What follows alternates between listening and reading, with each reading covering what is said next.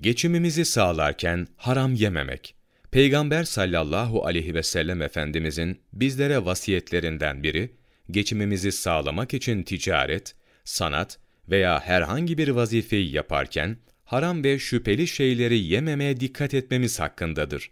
Bizim muttaki ve salih kişiler olduğumuzu sanarak bizlere getirilen mallar şüpheli gelirlerden sayılır.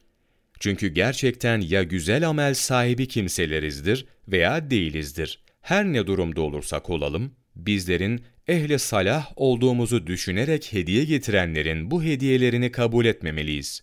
Ama herhangi bir düşünce sahikiyle değil de içinden gelerek ihlasla bir hediye getirenin hediyesini kabul eder ve ondan yeriz.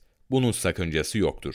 Nefsimi elinde tutana and içerim ki, bir kolun içine bir lokma haram girmiş olsa, 40 günlük güzel ameli kabul olunmaz. Herhangi bir kulun vücudu haramla gelişirse, ateş ona layıktır.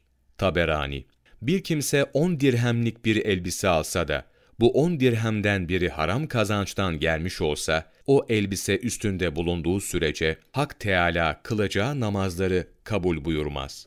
Ahmet bin Hanbel Bir kimse haram yoldan kazanıp topladığı maldan sadaka verirse, hiçbir ecir ve sevap kazanamayacağı gibi suçu ve günahı da kendisine ait olur.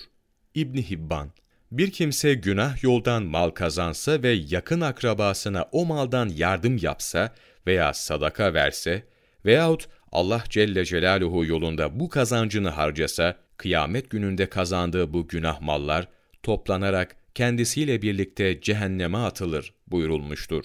Ebu Davud İmam-ı Şarani El-Uhudul Kübra 846. sayfa 12 Ocak Mevlana takvimi